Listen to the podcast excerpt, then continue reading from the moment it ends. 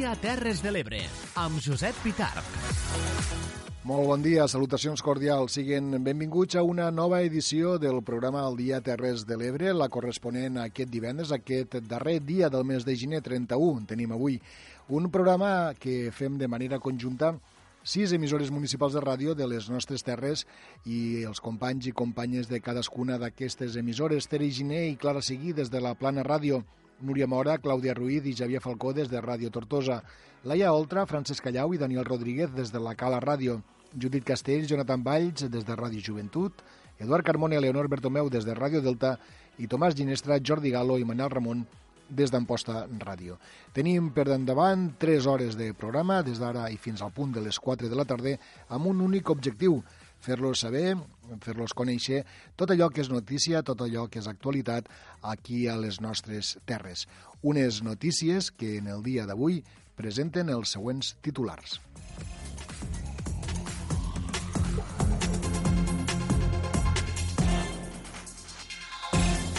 L'Ajuntament de Tortosa quantifica les destrosses del temporal Glòria a la ciutat en més de 2 milions d'euros.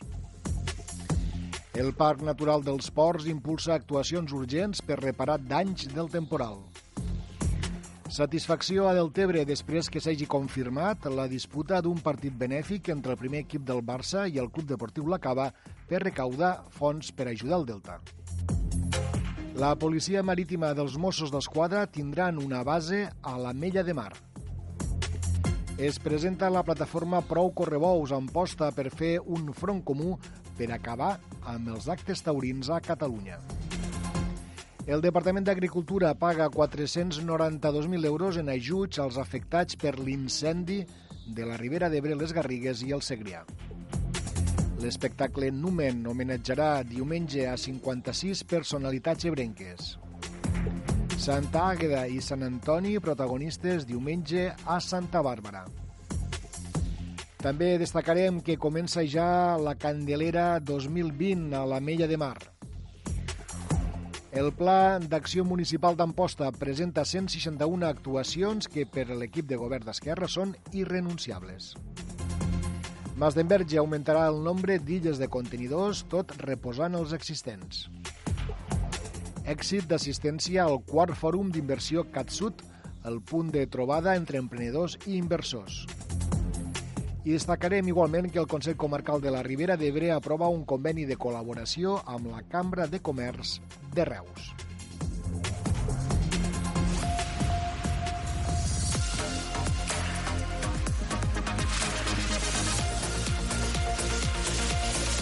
Al dia, les notícies de les Terres de l'Ebre. I un dia més hem d'obrir el temps de la informació parlant-los dels efectes d'aquest temporal del Glòria durant el ple ordinari del mes de febrer que se celebrarà el proper dilluns a l'Ajuntament de Tortosa, l'equip de govern, juntament amb el grup d'Esquerra Republicana, portarà a debat una moció per reclamar mesures urgents al Delta de l'Ebre i també als municipis afectats pel temporal Glòria. Un d'aquests seria el mateix cas de la ciutat de Tortosa, Clàudia Ruiz. Així és, de fet, des del consistori estimen que les destrosses ocasionades pel temporal rondarien els 2.800.000 euros. Per ara és una xifra aproximada, ja que encara s'estan valorant les diferents afectacions. El temporal no només ha malmès camins, carreteres o enllumenat, sinó també equipaments públics com els pavellons del Temple i Remolins, a l'Auditori Felip Pedrell o la Biblioteca Marceli Domingo. L'equipament que ha presentat més afectació ha estat el mercat, concretament s'ha malmès part del sostre. I és que durant aquella tarda de dimarts, a la ciutat de Tortosa, es va recollir la mateixa quantitat d'aigua que en sol caure en sis mesos. Malgrat tot això, l'alcaldessa Meritxell Roger ja ha dit que no demanaran la declaració de zona catastròfica. Nosaltres entenem que, que com a municipi no, no ens correspon ser declarada zona catastròfica perquè el que hem tingut són afectacions molt puntuals i molt concretes i no és el mateix que ha succeït al Delta de l'Ebre on hi ha una afectació natural, per tant hi ha una afectació a, que, que va molt més enllà d'afectacions en quant eh, a nivell econòmic d'equipaments de, o de camins i, i per tant el que hem fet ha sigut valorar-ho i passar-ho a nivell de govern de Generalitat i, i d'Estat perquè enteníem que és el que corresponia més enllà de... És a dir, nosaltres ens vam poder restablir amb unes hores, amb uns dies, encara estem treballant en alguns dels camins, però això no podem quantificar-ho ni qualificar-ho de la mateixa dimensió que, que el que ha succeït al Delta. El ple de dilluns també servirà per aprovar dos modificacions puntuals del POM. D'una banda, l'estació de busos per tal de fer accessibles i viables l'ampliació des de la via pública. I de l'altra banda, la modificació afecta també al monument de la Batalla de l'Ebre. Aquest seria un segon pas després d'haver aprovat la seva descatalogació. Finalment, en aquest ple també hi prendrà possessió la nova regidora socialista Estefania Valdés, que entra en substitució de l'exregidor Manel de la Vega, ara senador en representació de la Generalitat. Gràcies, Clàudia. Per altra banda, també hem de dir-los que el Parc Natural dels Ports ha dut a terme durant la setmana tasques urgents per a reparar els danys del temporal Glòria dins del seu àmbit. Els treballs més immediats s'han centrat en les zones més concorregudes, com són els estrets i el toll del vidre. Per això s'ha prioritzat el restabliment de la circulació en les vies d'accés a aquests dos punts estratègics del Parc Natural. En coordinació amb els ajuntaments afectats, s'han destinat tots els efectius disponibles del parc per restablir la normalitat quan abans. Concretament, les dues brigades del parc, la Forestal Catalana, s'ha afegit la brigada també del Pla d'Ocupació de la Diputació de Tarragona. En total, més d'una desena de persones distribuïdes en tres equips que han actuat per alliberar i netejar els accessos des d'Arnes i Horta de Sant Joan al parc i en aquests dos punts. Les feines s'han centrat, sobretot, en la neteja de vegetació caiguda enmig de les vies, com ara branques i arbres, i la retirada de pedres a petites esllavissades caigudes dels marges dels camins. Els importants gruixos de neu acumulats dificulten, però, la mobilitat de les brigades i a mesura que es pugui, que es pugui accedir a cotes més altes, s'analitzarà l'abast dels efectes del temporal en aquestes àrees i es prioritzaran nous punts on actuar. A les eh, tres comarques del parc caldrà veure, doncs, possibles afectacions en itineraris i altres equipaments o infraestructures d'ús públic o de gestió. L'objectiu és minimitzar les afectacions tant al sector agrícola i ramader com als habitants del parc i dels seus habitants. I encara parlant dels efectes d'aquest eh, temporal, cal dir que del Tebre s'ha rebut amb força satisfacció la confirmació per part del Futbol Club Barcelona que desplaçarà el primer equip per enfrontar-se al Club Deportiu La Cava. És una causa benèfica, ja que pretén recollir fons per ajudar en la lluita contra la regressió del Delta de l'Ebre. Leonor Bertomeu. El Barça ha acceptat la proposta del Club Deportiu La Cava i jugarà un partit amistós a les instal·lacions municipals del Camp Nou de Deltebre. Serà un partit benèfic per als afectats pel temporal Glòria i es jugarà abans que acabe esta temporada. Segons ha confirmat el club blanc-i-blau, després que la setmana passada el president de la Cava, Josep Arques, fes la proposta al Barça a través dels mitjans de comunicació, ahir va poder mantindre una trucada telefònica amb el president del Barça, Josep Maria Bartomeu, qui li va confirmar que el partit amistós es disputarà el partit es jugarà aprofitant una aturada de la competició per seleccions i el Barça s'ha compromès a portar els millors jugadors disponibles de la plantilla del primer equip. Així ho ha explicat el director tècnic de la Cava, Juanjo Prats. Ara estan buscant dates per a poder realitzar aquest partit si és, és ben veritat eh, que estan immerts en la Copa del Rei, la Lliga, evidentment, i també la Champions, però que d'alguna manera intentaran buscar pues, algun paró de seleccions eh, que n'hi ha algun i llavors pues, pues, vindre pues, bueno, menys internacionals evidentment pues, totes les cares eh, bueno, pues, eh, més conegudes possibles i intentar també, a part d'esta fitxa intentar buscar alguna que d'alguna manera fos entre setmana, al millor eh, de poder vindre pràcticament tots. De totes maneres, això pues, se queda anecdòtic, eh, faran el que, lo que estigui a les seves mans, però que el Barça ens ha confirmat, nosaltres estem molt contents. Amb este gest, el Barça pretén solidaritzar-se amb el Delta de l'Ebre i els afectats pel temporal Glòria.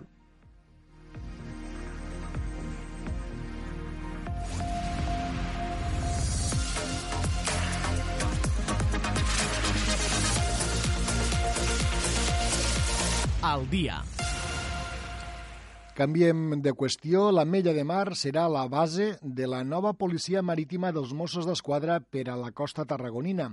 El director general de la policia, Pere Ferrer, ho va confirmar ahir mateix en la Comissió d'Interior del Parlament de Catalunya.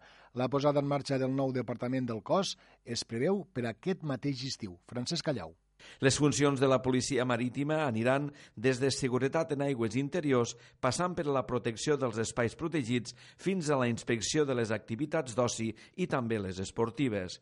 El director dels Mossos va anunciar que s'ha començat la selecció interna dels 30 agents que estaran repartits entre les tres bases. L'objectiu és aquest estiu tenir 30 agents destinats ja a aquesta, a aquesta unitat en tres bases, que són Palamós, Vilanova i l'Ametlla de Mar. Les funcions d'aquest nou servei seran les de garantir la protecció i seguretat en aigües interiors i mar territorial, controlant i preservant els espais marítims naturals protegits o inspeccionar les instal·lacions i activitats d'oci i esportives que es realitzen a la costa catalana, per citar només alguna de les funcions. En aquest sentit, i a banda dels treballs tècnics que ja fa un temps que s'estan duent a terme, recentment ja hem començat a la fase interna de selecció de personal. Els agents que es destinaran a la nova unitat rebran formació per intervenir en el mar, tant en formació professional d'àmbit general com de navegació. Tot plegat servirà per seguir avançant amb el desplegament dels Mossos per ser la policia ordinària i integral a tot el territori de Catalunya, segons va destacar Pere Ferrer. Recentment s'ha presentat en posta la plataforma Prou Correbous, una plataforma antitaurina composta per nou entitats amb la iniciativa de que es prohibisquen tots els actes i les seues variants relacionades amb els correbous. Jordi Galo. Pensem que no, hi ha, una, hi ha moltíssima gent, és que no, no us podeu imaginar tota la gent que avui ens ha donat suport, ens ha enviat mo, missatges, ens han trucat dient no podem vindre perquè estem treballant, però hi ha moltíssima gent aquí, a totes les Terres de l'Ebre que és contrària a això. I sembla que només surten quatre, que són els que criden més, però que és que al final no és així. És que ha, no és així, no és ni David ni Goliat. manifestar-se antitauria, això és una realitat i això Clar, també ho constatem. També. És dir, pri privadament te ho diuen clarament, però a l'hora de manifestar-se públicament los tira per atrás, no? Perquè, clar, jo no diré que dins del, del, del lobby taurí la gent sigui tota violenta, però hi ha un sector dins que, que s'ha manifestat. La prova són doncs, els fets del Mas de Barberans o aquí en posta en uns nois d'Esquerra Republicana que els van que els van apallissar eh, en l'època de l'alcalde Roig, quan se van manifestar senzillament per posar una pancarta que posava més, cultura, i menys bous, saps? No sé, ara l'últim correbous que, bueno, els últims bous que van fer a Camarles, que van anar a documentar-ho los de Naturalis, eh, també pues, los van, va, hi ha un assetjament, que és una violència, un assetjament en alguna pedra, no? Llavors, aquestes coses no es poden consentir, saps? És dir, per això hi ha una temor aquí al territori a manifestar-se clarament antitaurí. També hi ha un aspecte molt clar aquí.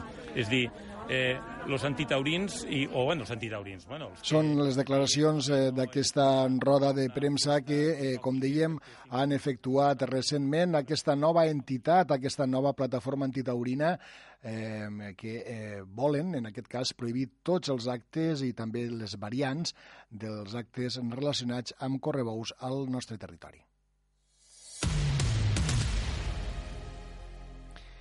I acabarem aquest primer bloc dient-los que el Departament d'Agricultura, Ramaderia, Pesca i Alimentació pagarà a partir d'avui un total de 491.963 euros en ajuts destinats a les explotacions agràries i comunitats de regants afectades per l'incendi forestal del passat 26 de juny a les comarques de la Ribera d'Ebre, les Garrigues i el Segrià, amb l'objectiu de compensar les pèrdues i recuperar la capacitat productiva. En el cas dels ajuts a persones titulars d'explotacions agràries, s'han atès el 90% de les sol·licituds presentades. En concret, s'han concedit 75 de les 83 ajudes demanades, 69 corresponents a ajuts directes i 6 compensacions de les càrregues financeres.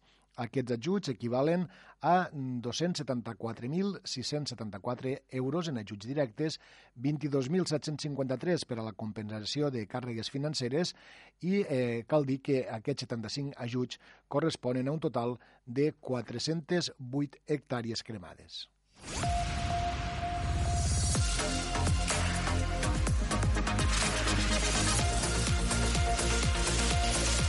Al dia Temps ara per a la cultura. La segona edició de l'espectacle Numen homenatjarà aquest diumenge fins a 56 personalitats del territori i que han estat guardonats durant l'any 2019. L'objectiu és posar en valor la quantitat i qualitat de les persones que treballen per la cultura des de les nostres comarques. Clàudia Ruiz. I no en són poques, enguany es farà un reconeixement a més de 50 personalitats que treballen la cultura des de diferents àmbits. Aquesta iniciativa va sorgir l'any passat des del col·lectiu Dilluns d'Arts al For i comptarà en un any més amb la creació artística de Ballet Gisbert. El nou espectacle que porta per títol Numen Veus d'Hiler-Cabònia farà extensiu el reconeixement a persones de comarques veïnes com el Matarranya o el Maestrat. Ricardo Gascon explica l'objectiu d'aquest espectacle. Llavors la idea és sobretot donar a conèixer això, fer-ho visible, perquè n'hi ha un, molta gent que treballa en el món de la cultura, però moltes vegades són activitats molt, bueno, molt en petit àmbit i, i n'hi ha que donar-li veu i imatge sobretot, no? fer veure com des de qualsevol lloc se pot estar arribant, avui en dia gràcies a les noves tecnologies i, i el món global, a guanyar prèmits, com estan guanyant prèmits a, a Mèxic, a Venezuela, a Xile, a Lisboa, a Holanda, naturalment tot el territori espanyol, naturalment tot el territori català, vull dir, no, és, no sols se limiten aquí a un territori determinat, sinó que els prèmits estos que estan guanyant per tot arreu. Enguany l'espectacle Numen gira al voltant d'un autor teatral que ha d'escriure una obra que es presentarà al mateix temps al Teatre Auditori. El públic serà testimoni, per tant, en directe d'aquest procés creatiu que es cou dalt de l'escenari amb gairebé una desena d'artistes. Gascon per això ha deixat clar que no es tracta d'una gala o d'una entrega de premis. Eh, Numen és un espectacle, no és una entrega de premis a l'ús, no és una gala, no n'hi ha discursos, aplaudiments, no puja ningú. La gent ja ha guanyat el premi de gent tothom ha tingut el seu premi en el seu moment, seran nombrats al final de l'espectacle, a l'últim moment pujaran tots, farem una foto de família, sempre dic el mateix, una persona de, Figuer, de Figueres, que per raons de feina o familiars o de turisme, és al menys Tortosa, passa a l'auditori i, i vol entrar, li garantim una hora, que s'ho passarà molt bé, perquè l'espectacle és un espectacle que està molt bé, combina tot el tipus de d'arts escèniques, crec que és un espectacle que qualsevol persona, inclús aliena a l'estat de l'Ebre, podria disfrutar. L'alcaldessa de Tortosa, Meritxell Roger, ha avançat que Numen esdevindrà una peça clau per celebrar l'any vinent la capital de la cultura catalana. Per ara podeu veure la presentació d'aquesta edició aquest diumenge 2 de febrer a les 6 de la tarda a l'Auditori Felip Pedrell amb una entrada lliure. Gràcies, Clàudia. I aquest cap de setmana també és temps de festa i temps de tradicions a alguns indrets de les nostres terres. Per exemple, diumenge, Santa Bàrbara es prepara per gaudir de les festivitats de Santa Àgueda i de Sant Antoni. Aquesta darrera aplaçada, recorden, per la pluja. Teri Giner. Efectivament, Josep, el dia 5 de febrer se celebra Santa Àgueda i són moltes les associacions de dones eh, que celebren aquesta festivitat de la patrona. En el cas de Santa Bàrbara ho faran aquest diumenge, previ a la data, amb una trobada en la que assistiran més de 90 sòcies. La celebració començarà amb una missa a les 11 i quart del matí i un dinar posterior al restaurant Venta de la Punta. Hi haurà també diferents sorpreses per a les participants. A més, a aquesta festa s'hi sumarà també la que va tenir que aplaçar-se ser a causa del temps, la de Sant Antoni. La festa dels Tres Toms està coordinada per la penya Amics dels Cavalls, que conjuntament amb el suport de la d'Amposta celebren eh, l'activitat amb dues entitats. La passada setmana van fer els Tres Toms Amposta i aquesta, les cavalleries, els carruatges i els cavalls de munta desfilaran pel nostre poble a partir de les 11 i mitja del matí. Posteriorment, a la una i mitja, el mossèn farà la tradicional benedicció dels animals davant la plaça City Set. Cal recordar recordar també que a les 10 i mitja del matí, el diumenge, els joves de segon d'ESO, de l'IES Les Planes i les Pubilles, vestits a la manera tradicional, sortiran a repartir el típic panoli beneït, que també va tenir que ajornar-se pel mal temps. I avui mateix, al balcó de l'Ajuntament de la Mella de Mar, esclatarà el coet que marca, com cada any, l'inici de la festa major. Fins al dimarts, fins al dia 4, les caleres i els caleros gaudiran de més d'una cinquantena d'actes tradicionals i d'altres de més nova incorporació per a totes les edats. Francesc Callau. Seran cinc dies de festa en honor a la Mare de Déu de la Candelera, la patrona del municipi. El regidor de festes, Jordi Lleó, explica el significat de l'eslògan d'enguany Compartim Candelera compartir pues, com a concepte que tenim tots, compartir amb, amb els demés, compartir amb la gent que, que ens envolta i, i sobretot compartir aquestes festes que ens venen per davant amb, amb la gent que estimem, la gent que més a gust ens sentim i, i al fi al cap passar una, una bona candelera amb, amb la gent que ho compartirem. El dia d'avui anirà marcat per l'acte que, com cada any, dona el tret de sortida a les festes, el pregó de la Festa Major de la Candelera. Enguany serà protagonitzat per la cuinera i pastissera calera Gesamí Caramés. Durant l'acte es presentarà i es proclamarà la pubilla major, la pubilla i l'hereu infantil, les damiseles i els quintos del 2000.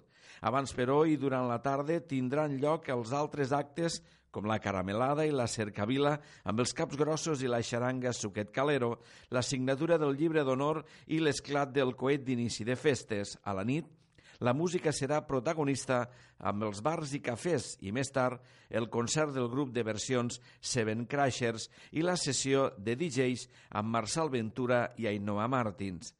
El dissabte, el dia de la vespre, estarà farcit d'un munt d'activitats per a totes les edats. Ben d'hora i com la resta de matins, els capgrossos sortiran pels carrers del municipi en cercavila amb la xaranga Suquet Calero. Els que prefereixin esmorzar botifarra ho podran fer al camp de tir Punta Calda, on es durà a terme la tradicional tirada al plat. Els nens i nenes també tindran el seu espai amb l'espectacle Mr. Babacus i la minidisco infantil. I per als que els agradi la cuina, Gesami Caramés durà a terme un show cooking de coraçons i pastissets a la plaça Nova. Tampoc faltarà el vermut, tant el dissabte en format electrònic com la resta de dies de festa major. A la zona esportiva municipal durant el matí es disputaran diversos partits de futbol dels equips de futbol base i a la tarda es disputaran els compromisos de lliga del juvenil i del primer equip. La música també serà present a la tarda amb la festa dels 80 amb diversiones i a la nit amb l'orquestra, la passarel·la i les sessions de Mon DJ i Sergio Calero. El diumenge, el dia de la patrona, seguirà la festa amb els actes més tradicionals com són la benedicció de les candeles, l'ofrena floral, la missa major i a la tarda l'esperada solemne processó en honor a la patrona, la imatge de la qual serà portada pels quintos del 2000. Abans ha el tradicional partit de futbol de Candelera enguany entre la Societat Cultural Esportiva i Recreativa Legends i una selecció de veterans del Barça. Al migdia també hi haurà l'exhibició de les majorets, el ball de la candela i la festa del vermut. A la nit, la música la posarà l'orquestra La Nueva Etapa i els DJs Moncho i Guillermo Argentó. El dilluns al matí hi ha prevista la missa i presentació dels infants nascuts el 2019, la cercavila amb la batucada Calacatà i la degustació de tonyina roja a la plaça Joan Miró. A la tarda no hi faltarà la festa llatina i més tard la música de l'orquestra La Nueva Era i la sessió dels DJs Òscar Sánchez i Sam Tejota. El dimarts, últim dia de la festa major, al matí, es farà un escape room per a grans i petits paral·lelament, mentre la Coral Verge Candelera oferirà el tradicional concert. Més tard, tindrà lloc el ball de la darrera coca i per a dinar s'oferirà el dinar en homenatge a la gent gran. A la tarda el grup local Los Cranios pujarà a l'escenari amb les seves versions dels 60 i 70. Per acabar tindrà lloc el gran castell de focs d'artifici i el comiat de festa amb xocolata, sex i fang al poliesportiu on s'oferirà sopar per un preu de 5 euros. Abordem ja altres qüestions de l'àmbit municipal. El Pla d'Acció Municipal, conegut com a PAM, és el full de ruta que marca el ritme de les actuacions municipals. Amposta l'ha presentat aquest dimecres i són 161 actuacions que per a l'equip de govern d'Esquerra Republicana són irrenunciables. Judit Castells. Millores i un nou aparcament per l'Hospital Comarcal, un alberg juvenil, habitatges per a joves al nucli antic, una oferta d'oci al costat del riu o la reurbanització de l'Avinguda Catalunya, així com també la continuació de Josep Terradilles fins l'Avinguda Santa Bàrbara. Aquestes són algunes de les 161 actuacions que recull el Pla d'Acció Municipal d'Amposta per al mandat 2019-2023, un full de ruta realista per acabar de definir el model de ciutat que el govern, en majoria absoluta d'Esquerra, està dibuixant. Així ens explica l'alcalde d'Amposta, Adam Tomàs. Són irrenunciables i que ens esforçarem des d'ara fins al 2023 en, eh, com a mínim, com a mínim, aquelles que són segurament més complicades, engegar-les. Eh, és evident que algunes se solaparan i se periodificaran en diferents, en diferents anys, algunes són més puntuals i algunes eh, el que preveuen és ficar-les en funcionament al 2023 i que possiblement no, no es veuran finalitzades fins a la legislatura següent, però que tinguéssim molt clar eh, quines són aquelles eh, accions que volen acabar definint el model de ciutat en el qual està treballant eh, l'equip de govern. Per l'alcalde se tracta, però, d'un document de mínims i viu. Hi ha moltíssimes coses que tenim al programa electoral, hi ha moltíssimes coses que estem fent que no estan al PAM. Eh, per tant, eh, segurament tota l'acció municipal se podria acabar eh, descrivint eh, en més de 500 o 600 actuacions que farem durant tota la legislatura, però aquí estan les 161 irrenunciables. El PAM se presentarà avui durant l'assemblea informativa que s'ha convocat a l'auditori de l'Escola de la Lira Ampostina i estarà a l'abast de la ciutadania. I continuem, eh, Judit, en aquest cas al Montsià, que una mica més cap a l'interior, perquè l'Ajuntament de Mas d'Enverge invertirà més de 90.000 euros en reposar els contenidors soterrats per altres de nous, tot augmentant també el nombre d'illes. És així, Judit. Masdenverge és el primer municipi del Montsià en renovar els contenidors soterrats per d'altres de nous amb el recent contracte de Copate. Al municipi han decidit continuar amb els contenidors soterrats, tot augmentant el nombre d'illes. Parla el primer tinent d'alcalde i regidor d'Urbanisme i Escombraries a l'Ajuntament de Masdenverge, Gerard Barberà. Hem augmentat una illa de 7, a, han passat a 8 illes a la població i en canvi han aconseguit eh, reduir l'import eh, final que eren sobre uns 99.000 euros a l'any i els hem reduït sobre els 93 o sigui, hem augmentat eh, capacitat per eh, servei al, al, al poble i en canvi eh, hem reduït costos.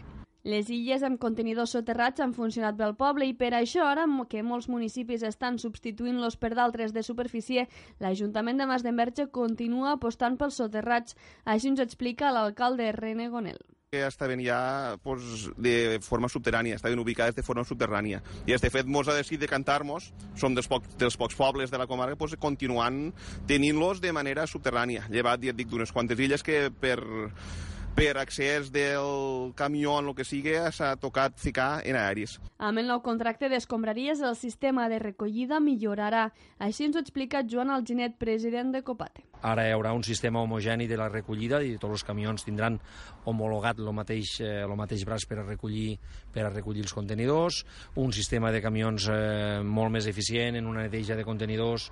Eh, jo crec que és un, és un abans i un després com sempre i com dia al principi, al servei dels municipis. Perquè els nous contenidors i el servei sigui tot un èxit ara, falta que la ciutadania sigui ben conscient de la importància del reciclatge i distribueixi les escombraries dipositant-les als contenidors correctes. Pel que fa al fet divers, avui hem de lamentar que un veí d'Escó de 78 anys d'edat ha mort a conseqüència d'un accident de trànsit que es va produir minuts abans de les 7 del vespre del dimecres a la Nacional 420 a Falset. Per causes que es desconeixen, el vehicle on anava de passatger la víctima mortal va sortir de la via al punt quilomètric 843. El conductor de l'automòbil va resultar il·lès, però el passatger, ferit crític, va ser traslladat amb una ambulància del SEM a l'Hospital Joan 23 de Tarragona, on va morir.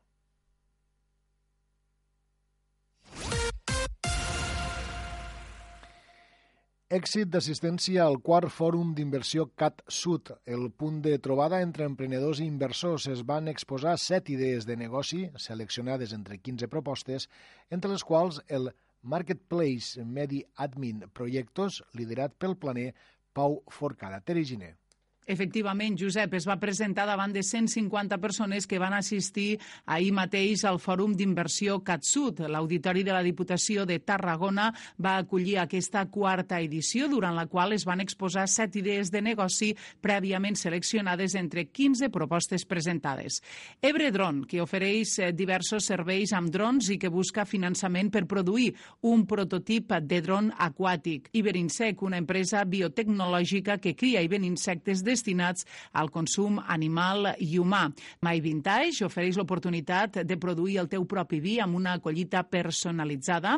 El projecte Òrbita, un programa d'educació que aplica estratègies d'atenció a la diversitat de l'alumnat a través de la intel·ligència artificial. Aptu Smart, que ofereix solucions a problemes industrials i de negocis utilitzant tècniques d'intel·ligència i visió artificial. Wiyadu, una nova forma de coworking que ofereix espais alternatius on treballar, com hotels o cafeteries, i també Medic Admin Projectos, una plataforma liderada pel planer Pau Forcada, en el que professionals de la salut poden trobar espais i centres mèdics on oferir els seus projectes. Bueno, Medic Admin surt de, a través de la feina de consultoria, perquè hi ha clients que són del servei mèdic, servei salut, salut privat, Llavors, un dels problemes, un dels gaps que tenen la gran majoria de centres mèdics privats és que no tenen una ocupació al 100%. Tenen espais buits, no? tenen espais que estan ocupats parcialment, una part del dia, l'altra part estan buits. Llavors, no treuen un rendiment òptim del seu centre i se tenien que fer una proposta de millora. Vam fer una enquesta, o vaig fer una enquesta a nivell individual, a 1.000 centres de tota Espanya, dels quals van contestar 600, i la gran majoria tenien aquest problema. L'enquesta també vaig fer una altra pregunta, vaig anar una mica més allà i vaig dir, vosaltres estaríeu disposats a pagar una quantitat per alguna eina o ferramenta que us ajudés a ocupar els seus espais? L'acte també va comptar amb la participació de Laura Latorre, talent manager de Freshly Cosmetics, una startup nascuda a Reus que ha crescut exponencialment tot revolucionant el sector de la cosmètica. Gràcies, Tere. I abans dels esports, dir-los que el Consell Comarcal de la Ribera d'Ebre ha aprovat un conveni de col·laboració amb la Cambra Oficial de Comerç, Indústria, Serveis i Navegació de Reus en el primer ple ordinari de l'any celebrat aquest dimecres. L'acord permetrà que l'ens cameral disposa d'un espai a la seu del Consell Comarcal, com ja es fa amb altres entitats, per atendre un dia a la setmana als seus associats.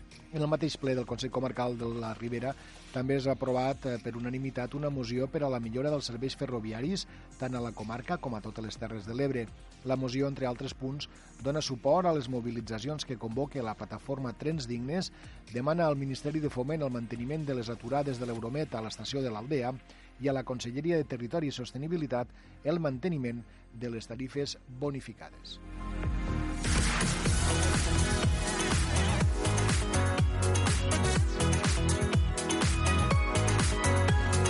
Al dia Terres de l'Ebre, amb Josep Pitarc.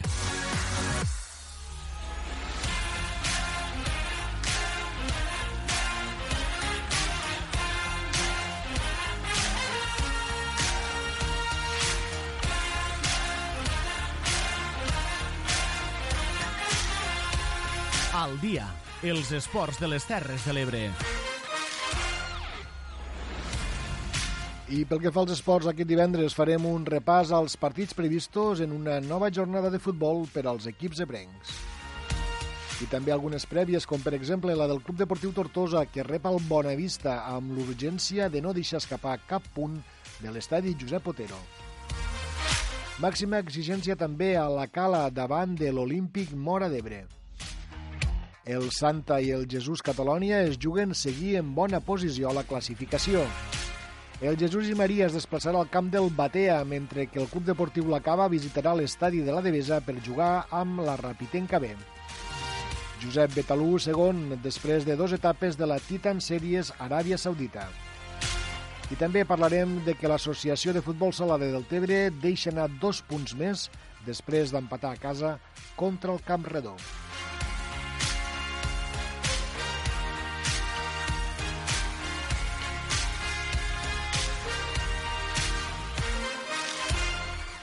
I el futbol torna a marcar l'inici del temps dels esports al nostre informatiu, al Dia Terres de l'Ebre. Així anem a repassar els enfrontaments previstos en les diferents categories en què participen equips del territori. Així, pel que fa al grup segon de Primera Catalana, l'Escó, diumenge a les 12 del migdia, es traslladarà, s'enfrontarà a domicili al camp del Sant Boià. Pel que fa a segona catalana, al grup 6è, els emparellaments previstos són els següents. Cambrils Unió, Rapitenca, Pobla de Mafumet B, Gandesa, Roda de Barà, Amposta, Montblanc, Mora la Nova, La Canonja, El Perelló, La Senia, Camarles, Ulldecona, Riudoms.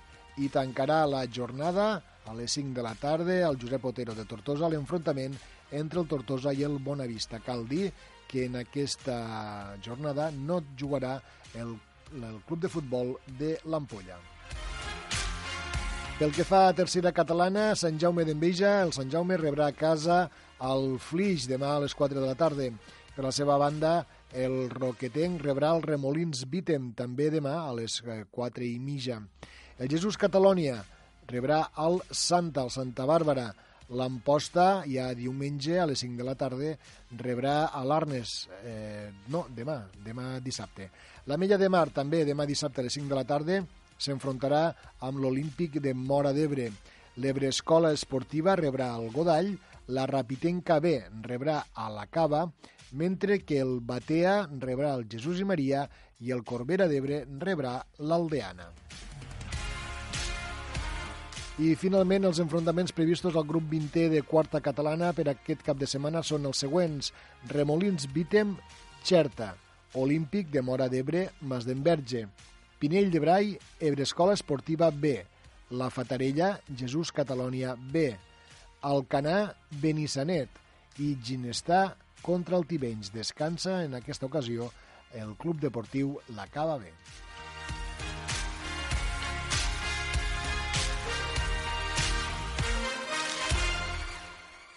Fem la prèvia, repassem alguns dels partits. El Club Deportiu Tortosa rep diumenge al Bonavista, un dels equips de la part baixa de la classificació, i després de les ensopegades dels darrers partits, els tortosins no poden deixar escapar cap punt més. Núria Mora.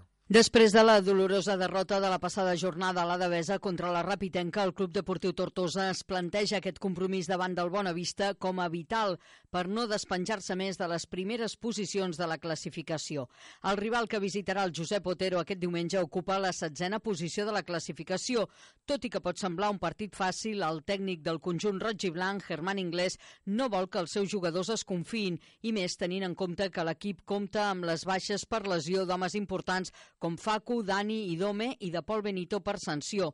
Inglés assegura que si mantenen el bon nivell de joc que van fer contra la Rapitenca, els tres punts s'han de quedar a Tortosa. Bueno, de cada diumenge ens ve un partit que a priori la gent pensarà que és fàcil, però l'afrontament en moltes baixes serà qüestió de, de cara al diumenge, bueno, de, de, de, sobretot estem segurs de que si, si mantenim el nivell de, d'aquest diumenge al camp de la Ràpita tindrem moltes possibilitats d'emportar-nos els tres punts. bueno, tristos i una miqueta enrabietats els jugadors perquè van fer un, un bon partit com per a, no, per, per a guanyar i van perdre. Eh, llavors, bueno, com ja t'he dit, intentar treure els tres punts aquesta setmana, que és el que ens toca i, i bueno, no pensar més enllà d'això i no preocupar-se més del compte. Després de les dues derrotes consecutives que han queixat a Ulldecona i a la Ràpita, el Club Deportiu Tortosa s'ha despenjat de les dues primeres posicions. Ara és cinquè amb 31 punts i a 5 del líder, el Gandesa, i a 3 del segon classificat, la Rapitenca. Inglés és conscient que s'han complicat les coses, però confia que l'equip es recuperi i tingui opcions de lluitar per l'ascens. No queda altra que, que seguir treballant, que intentar reforçar eh, aquestes coses que van ser moltes que van fer molt bé al camp de la Rapitenca, sent conscients de que se'ns ha complicat una miqueta la cosa, però que tenim la sort de que queden tota la segona volta per davant i que, bueno, que com t'he dit, que és qüestió de, de mantindre aquest nivell i, i segur que, que el Tortosa tindrà les seves opcions de, de lluitar per les dues primeres places. El Bonavista fa quatre jornades consecutives que no guanya. De fet, ha perdut els últims tres partits en els que han encaixat un total d'11 gols. En el partit d'anada, el Club Deportiu Tortosa va empatar a 1 al camp del Bonavista. El partit es disputarà diumenge a les 5 de la tarda a l'estadi municipal Josep Otero de Tortosa i serà dirigit pel col·legiat Sánchez Recio. I a la Mella de Mar, canviem ja de categoria, els aficionats al futbol no poden demanar res més. Dissabte i en el transcurs de la Festa Major de la Candelera, el primer equip de futbol de la Cala s'enfrontarà a partir de les 5 de la tarda a l'Olímpic de Mora d'Ebre, segurament l'equip més en forma de tota la tercera catalana. Francesc Callau. És cert que els de la Mella de Mar també es troben entre els equips que millors resultats han tret en les darreres jornades, amb 19 punts sumats sobre 30 possibles, però res a veure amb les 10 victòries en els darrers 11 partits de l'Olímpic Moradebre. Els morencs s'han situat segons a la classificació, amb 38 punts, mentre que els caleros també han millorat a la classificació, fins a situar-se a la vuitena posició amb 29 punts. Ivan Romeu és l'entrenador de l'equip. El fet d'estar parlant ara d'això, pues no? que, que tenim ara aquests partits importants, que ara juguem contra l'Olímpic, que ve d'una dinàmica positiva, afrontant-ho de la forma que ho afrontem i al moment que ho afrontem per a nosaltres és un, és un premi, un regal i crec que el premi este mm, només és conseqüència del treball que porta fent l'equip i al final ens hem guanyat, que és un missatge que t'he dit jo ja alguna vegada, els jugadors s'han guanyat poder disfrutar d'aquests partits i, i crec que esta setmana sent Candelera, venint l'Olímpic a la dinàmica que està, nosaltres a la dinàmica que estem evidentment és molt complicat perquè al final l'Olímpic està guanyant a tothom, va guanyar el Batea 4-1, va guanyar el Remolins Vitem fa unes jornades 3-0, està golejant els equips de dalt. és complicat, però per nosaltres és una oportunitat immillorable de, pues, de tindre gent al camp, de fer disfrutar la gent que, que mos ve veure i al final de, de nosaltres mateixos també disfrutar d'un partit que, que els jugadors s'han guanyat. L'Olímpic ve de golejar el fins ara temible Batea per 4 gols a 1, mentre que la Cala ve d'una victòria de prestigi per 1 a 3 al camp del Santa Bàrbara. Justament el Santa visitarà el camp de la Creu del Jesús Catalònia per afrontar un partit que els permetrà o seguir en bona posició o bé mm, quedar-se despenjats, Clara Seguir. Així és, el Santa visitarà el camp del Jesús Catalònia, el camp de la Creu, on l'any passat es van jugar la promoció d'ascens. Aquest dissabte serà un partit important entre dos equips que se situen en novena i desena posició. La derrota els condicionarà quedar-se despenjats de la classificació. El secretari tècnic del Santa, Ernesto Cid, espera una jornada igualada on els planers puguin aconseguir corregir els errors que els han conduït a les set derrotes i els tres empats que acumulen aquesta temporada. Ho explica Ernesto Cid. Serà un espectacle, esperem que molt igualat, i on el Santa hi pugui competir. El Catalonia destacar el seu delanter, tenen un delanter que està dins dels millors 10 golejadors de la categoria, que és Aleix, i per tant el Catalonia, que és un equip que té molt ben mesurat el seu camp, caldrà que estéssim molt i molt concentrats i tant de bo siguéssim capaços de corregir un dels hàndicaps que té el nostre Santa, que és que encaixem molts i molts de gols. Aquesta setmana el Sant ha rebut una gran notícia i és que un exjugador d'aquest club, el qual ha estat apartat de la competició per lesions, s'incorpora a l'equip. Es tracta d'Ernest Cid i torna com a segon tècnic. Així col·laborarà amb Francesc Parra per intentar treure el millor de la plantilla planera. També ajudarà en temes de preparació física, motivació i tàctica. I pel que fa als equips de Deltebre, desplaçament complicat del Jesús i Maria al camp del Batea i també de la Cava, al camp de la Devesa, al camp de la Rapitenca B, Leonor Bertomeu. Parlem ara del grup 1 de la tercera catalana. A la jornada 19, el Jesús i Maria té un desplaçament complicat a camp del Batea que necessita guanyar després de tres jornades sense fer-ho, el que li ha costat el liderat del grup. El Batea i el Jesús i Maria són quart i cinquè a la classificació, ara mateix amb una diferència de 6 punts. El partit Batea-Jesús i Maria es disputarà diumenge a les 4 i quart. Pel que fa a la cava, després de la golejada balsàmica de la setmana passada davant el Sant Jaume, es desplaça demà dissabte a camp de la Rapitenca B. Els de la cava de guanyar els 3 punts si no volen despenjar-se del grup capdavanter de la Lliga. La Cava és ara sex classificat amb 30 punts. El partit es disputarà a les 17.45 hores al camp de la Devesa. Pel que fa al filial de la Cava, descansa esta jornada. Josep Betalú està segon després de les dues primeres etapes de la Titan Series d'Aràbia Saudita. Tomàs Ginestra. A la primera jornada de la Titan Series Aràbia Saudita, Òscar Pujol, un exprofessional de la ruta, va volar a favor i en contra de vent per enfundar-se el mallot verd de primer líder de la Titan Series Aràbia Saudita en una jornada de terreny molt hostil que va desgastar les forces dels 148 participants en els 89 quilòmetres de recorregut. Pujol, de 36 anys, nascut a Terrassa però establert a Valladolid i format a l'escola de Víctor Sastre a El Barraco, a Àvila, va poder amb el gran favorit de Josep Betalú, quatre vegades guanyador de la Titan Desert al Marroc, de qui es va escapar al tram final assumint riscos en un terreny dur per entrar en solitari a la meta amb un avantatge de 3 minuts i 11 segons. La tercera plaça se la va adjudicar Julen Zubero a 4 minuts 17 segons. A la segona jornada, la d'ahir, després d'un bon començament d'aquesta etapa de 127 quilòmetres i 2.656 metres de desnivell, Betalú no va poder guanyar per les errades finals de navegació que va aprofitar Zubero per endur-se l'etapa i ficar-se líder. Betalú va entrar a 2 minuts i 31 segons. La classificació general, després d'aquestes dues etapes, està encapçalada per Julen Zubero amb 7 hores 36 minuts i 35 segons, seguit de Josep Betalú a 1.24 i tercer Òscar Pujol a 13 minuts 32 segons. La tercera etapa va de Ait i allà a Trafaute, de 99 quilòmetres. I acabarem els esports parlant-los de futbol sala, la Lliga de les Terres de l'Ebre, on l'Associació de Futbol Sala de Deltebre ha deixat escapar dos punts més després d'empatar a casa contra el Camp Redó. Leonor Bertomeu. L'Associació de Futbol Sala del Tebre FF Motors ha deixat perdre dos punts més del pavelló Andrés Ferri després d'empatar ahir davant el Campredó en el partit avançat de la primera jornada de la segona volta. Els de del Tebre van haver de remuntar dos cops el marcador ja que el Campredó es va avançar als 30 segons de partit.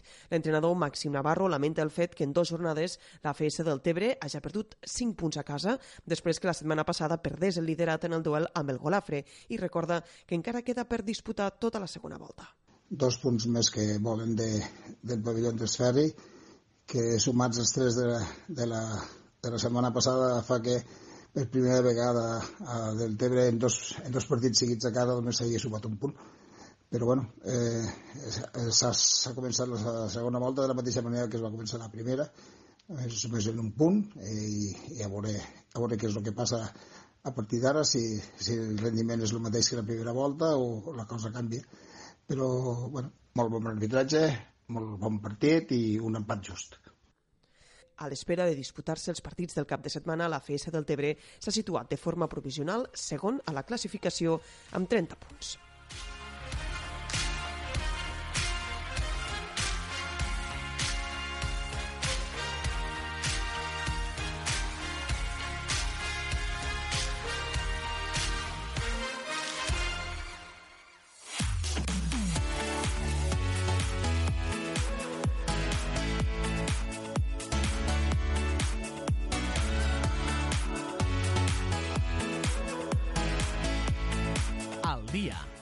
L'agenda de les Terres de l'Ebre. Tenim uns minuts per a repassar quina és l'agenda d'activitats prevista durant aquest cap de setmana aquí a les nostres terres. Per això iniciem ja aquesta ronda de connexions amb les diferents emissores. Avui comencem als estudis de la Plana Ràdio Santa Bàrbara per saludar la nostra companya Clara Segui. Clara, bon dia. Bon dia, Josep. Avui des de la Plana Ràdio us recomanem l'exposició d'Eva Sancho Barberà Pigments fugitius. És una exposició fotogràfica que mostra instants que s'aturen dins un marc d'acció. Segons l'autora, l'obra pretén endinsar l'espectador a contemplar el món a través del color i evocar-lo a llocs insòlids. La podreu visitar fins avui mateix dia 31 de gener en horari habitual de la Biblioteca Trinitari Fabregat d'Alcanar i d'una exposició a una altra, en aquest cas a la Sènia, a la Biblioteca Municipal Pere de Montcada. Dintre del cicle Desembre Cultural hi ha l'exposició 1869-2019, 150 anys de la taula periòdica dels elements, amb motiu de l'any internacional de la taula periòdica 2019. Passem ara a detallar-vos què podem fer el dissabte dia 1 de febrer. Des de l'Ajuntament d'Alcanar s'ha organitzat una nova jornada solidària de recollida de brossa que tindrà lloc dissabte 1 de febrer de 10 a 1 del migdia amb l'objectiu de fer una jornada de col·laboració i sensibilització. S'actuarà per la zona de la costa entre el Maricel i la Martinenca, amb possibilitat, segons la gent participant, d'anar ampliant la zona. Des d'allí es distribuiran els grups i s'iniciarà la neteja. La zona d'estacionament serà la curva de l'ENA 340 al quilòmetre 1063 i mig, estacionament estacionament al costat de Cademar. L'Ajuntament proveirà als participants de guants de làtex i bosses de basura i també facilitarà els punts de recollida. I el diumenge a Santa Bàrbara es viurà la festivitat de Sant Antoni que va quedar ajornada a causa de les fortes pluges. A les 10 i mitja hi haurà l'inici del repartiment de panoli a càrrec dels alumnes de segon d'ESO de l'Institut Les Planes i de les Pubilles del 2019. A les 11 i quart, missa en honor a Sant Antoni Abat i a Santa Àgueda. A les 11 i mitja, festa dels Tres Toms, desfilada de cavalleries pels carrers del poble. I a la una i mitja, benedicció dels animals a la plaça de l'alcalde City City.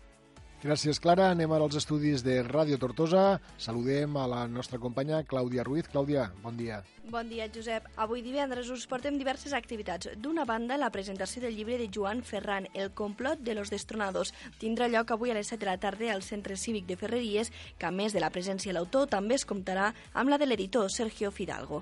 A les 7 de la tarda a la biblioteca també tindrà lloc aquest divendres fotogràfics de la mà de Rafael Ricote i a les 8 i mitja del vespre arriba l'obra La Rambla de les Floristes de Josep Maria de Sagarra a l'Auditori Felip Pedrell de Tortosa, una obra del TNC que retrata la societat catalana a partir d'un dels seus grans símbols, la Rambla de Barcelona.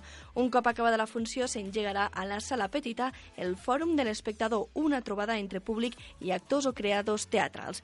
Acabem l'agenda recordant que diumenge tindrà lloc la celebració conjunta de Jesús i Roquetes de la tradicional festa de Sant Antoni. A la carretera coneix els dos nuclis urbans a partir de les 9 i mitja del matí.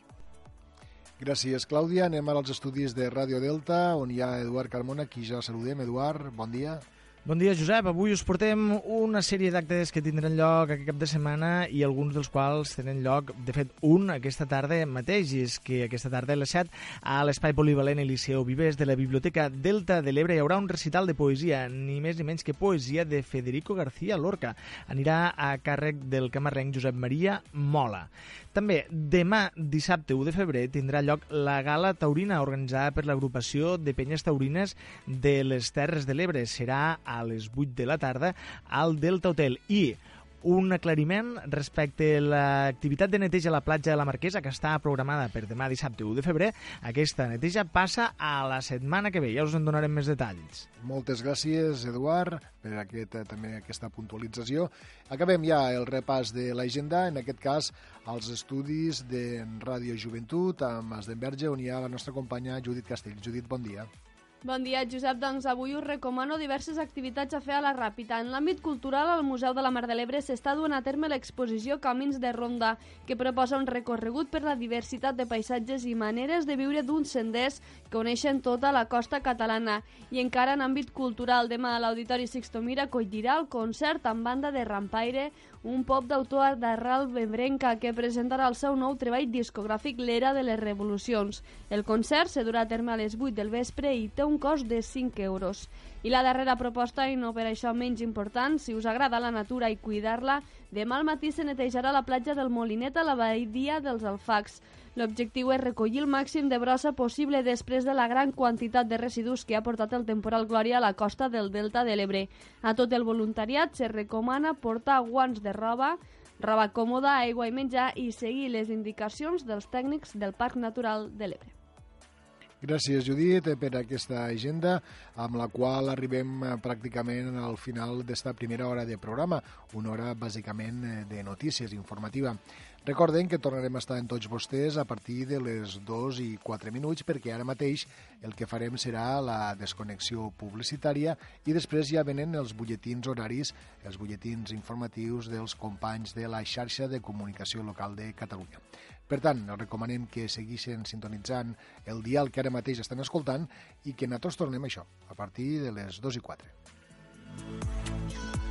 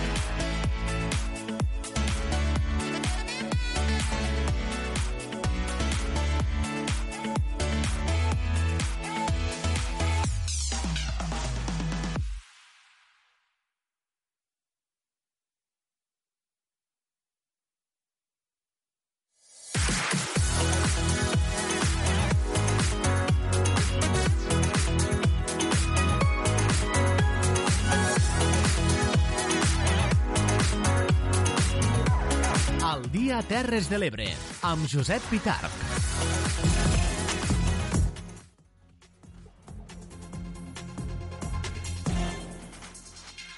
Cinc minuts sobre el punt de les dues de la tarda tornem a estar tots vostès al programa El Dia Terres de l'Ebre. Aquest programa que de manera conjunta fem sis emissores i que vostès poden seguir a través del dial de qualsevol d'aquestes emissores, que són la Plana Ràdio Santa Bàrbara, Ràdio Tortosa, la Cala Ràdio La Milla de Mar, Ràdio Joventut a Mas d'Enverge, Ràdio Delta del Tebre i també a través d'Amposta Ràdio. En aquesta segona hora, ja saben, el primer que fem és recordar, repassar les principals notícies que hem explicat i ho fem sempre en format de titulars. L'Ajuntament de Tortosa quantifica les destrosses del temporal Glòria a la ciutat en més de 2 milions d'euros. El Parc Natural dels Ports impulsa actuacions urgents per reparar danys del temporal.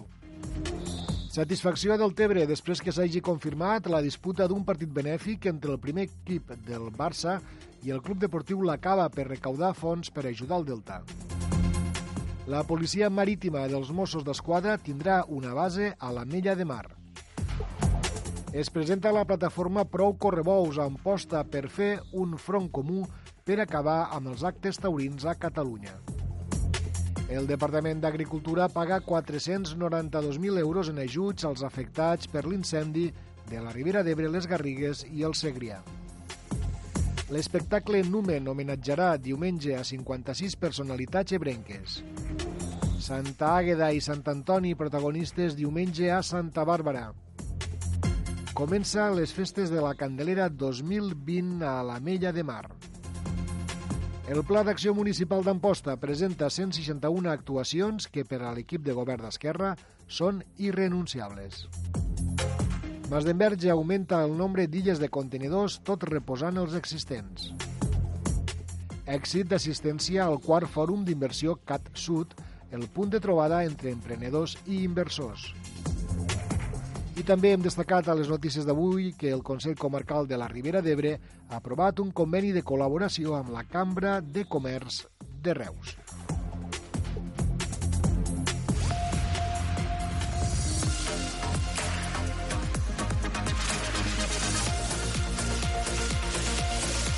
Al dia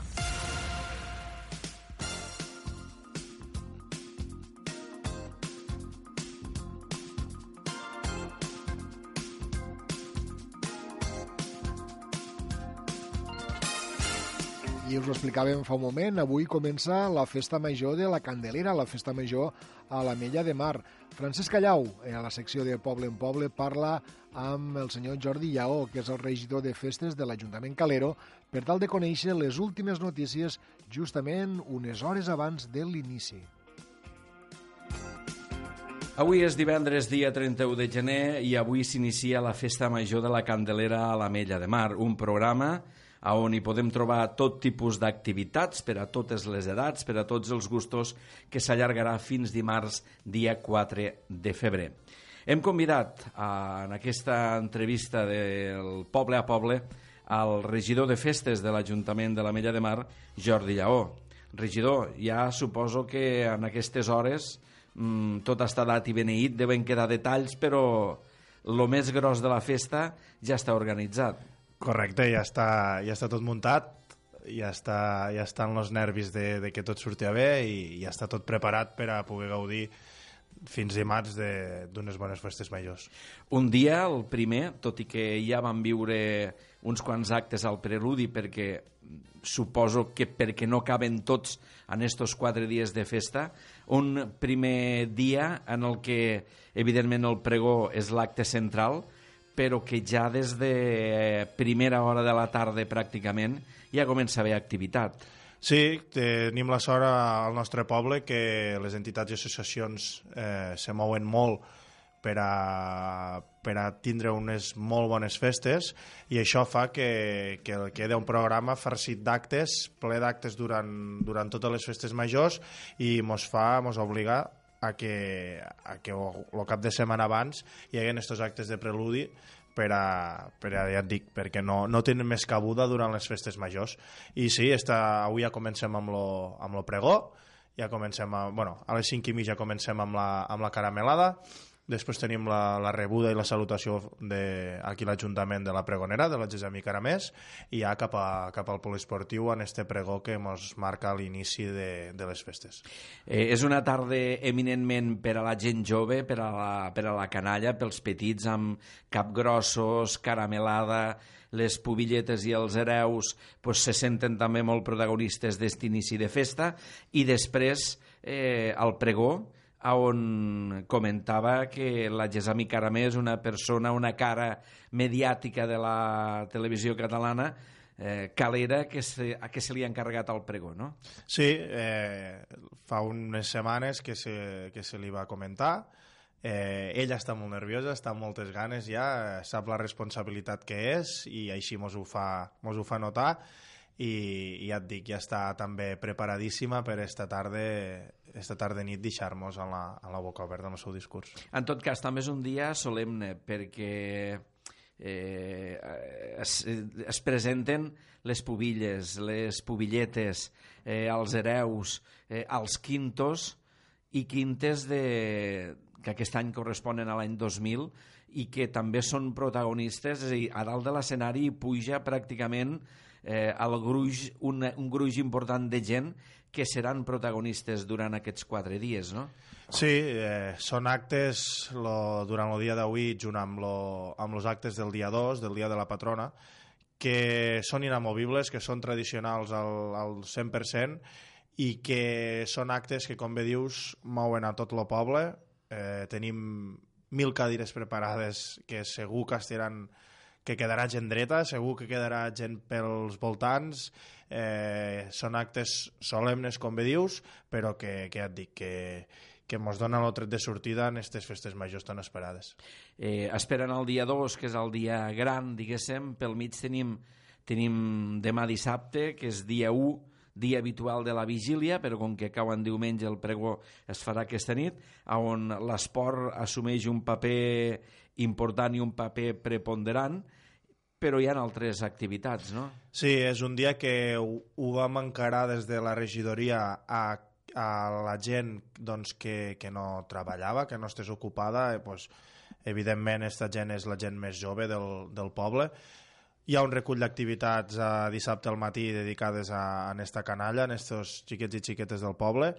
Hi ha un seguit de partits eh, de futbol al, al camp durant tot el matí, a la tarda també ja, ja ho encadenem en el juvenil a les 3 i el primer equip a les 5, i ja després a la tarda cap, a, cap allà quan tancaran les botigues i tothom ja estirà una miqueta més lliure, a partir de les 7 tenim, tenim ja el ball, el primer ball de tarda, amb l'orquestra Diversiones, i, i a la nit ja orquestra i, i ball, eh, orquestra i DJs. I després arriba el dia 2, que, que és un dia on hi ha poc marge de maniobra perquè s'aglutinen els actes més tradicionals i diguéssim que eh, més històrics d'aquesta candelera, no? És a dir, mm, poques innovacions se poden fer el dia 2.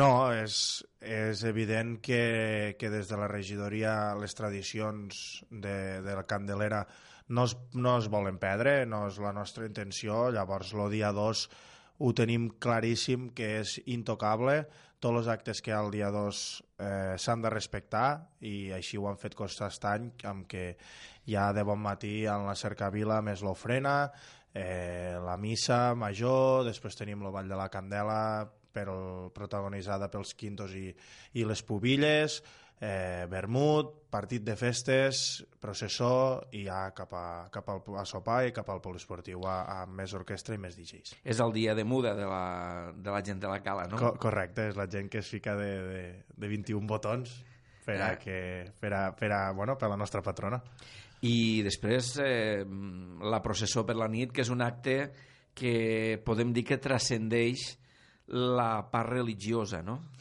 Sí, però estos dies ho comentàvem, independentment de que, de que sigues creient o no sigues creient, és un acte que, que el poble té una devoció molt gran, al poble hi ha unes ganes de processó, hi ha unes ganes per part de tothom de que la processó surti a bé, que és gros, i és un acte que, que ja l'any passat mos va caure en dissabte i això va fer que, que tinguéssim molta gent de les Terres de l'Ebre i d'arreu de Catalunya que mos va vindre a veure.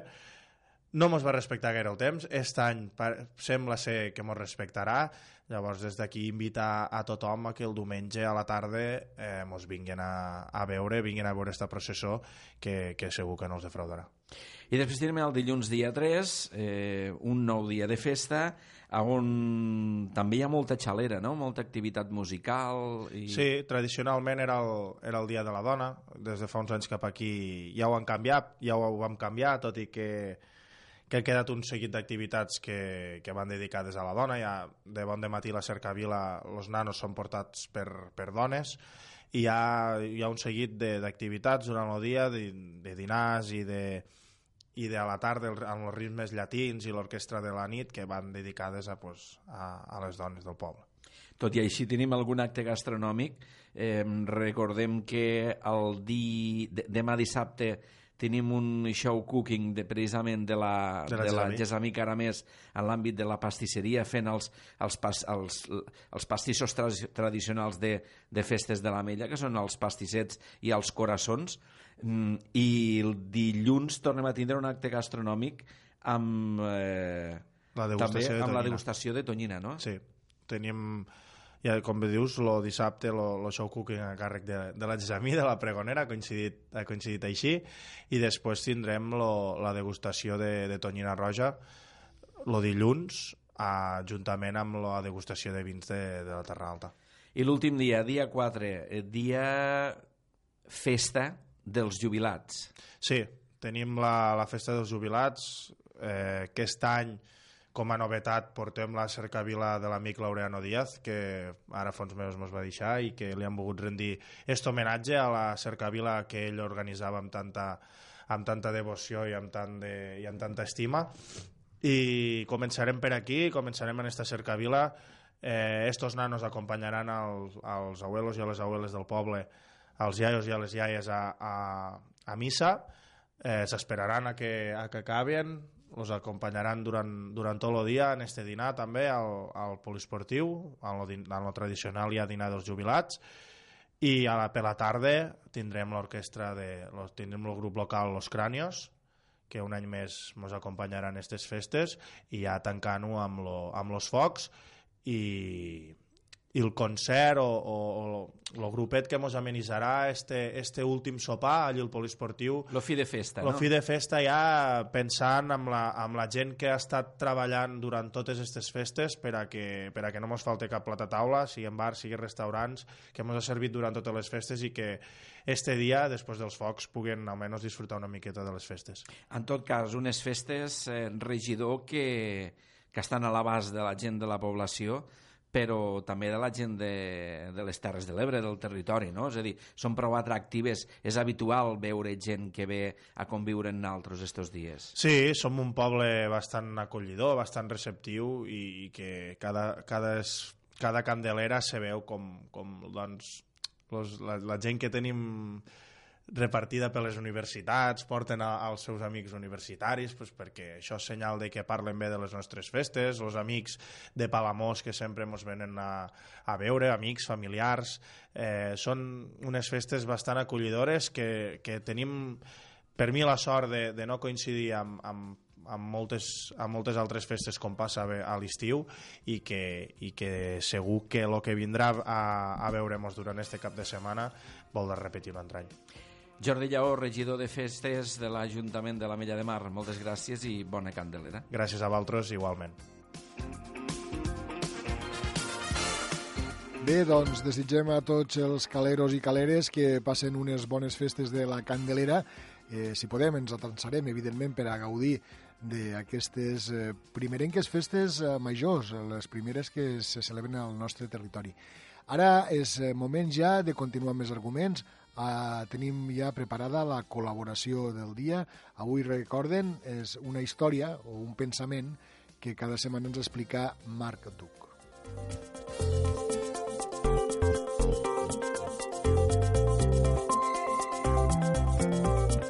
I avui aquest, aquest conte, aquesta història, aquest pensament, sembla que té components culinaris, o no?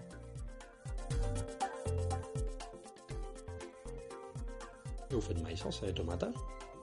Agafem tomatetes ben madures i de pera, o de penjar, pot ser una ceba ben bonica, blanca, roja o lila. Podeu tallar-ho a mans, molt finet, però molt fineta, o podeu triturar-ho tot. Havent fet tot això, agafarem un wok o una paella de ferro pur i afegirem una pàtina que inunda el cul de la paella, una pàtina d'oli. Llavors, s'ha d'aromatitzar este oli. Ho farem amb una, amb una mica d'all, però l'haurem de traure, perquè si el deixéssim mos amargaria la nostra salsa.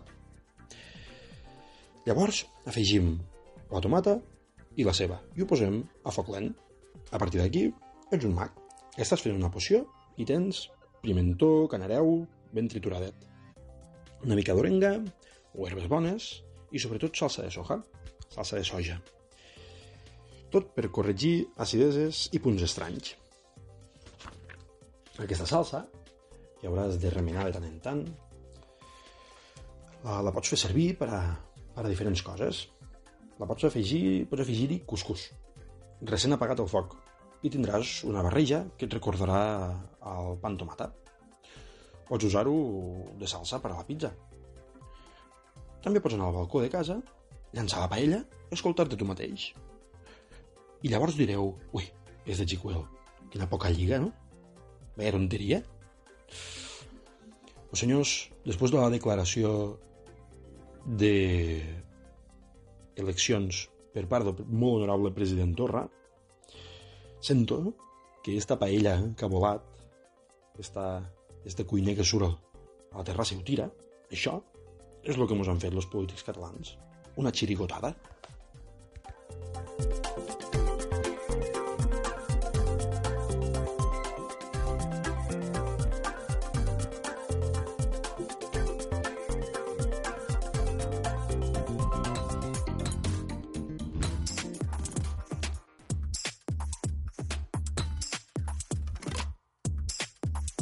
I tenim ara 5 minuts per a repassar tot allò que està passant al moment a través de les edicions digitals de diferents mitjans. Començarem amb el repàs, en aquest cas amb el diari La Vanguardia, que en l'edició digital està titulant ara mateix Rússia i el Regne Unit confirmen els seus primers casos de coronavirus i Itàlia declara l'estat d'emergència.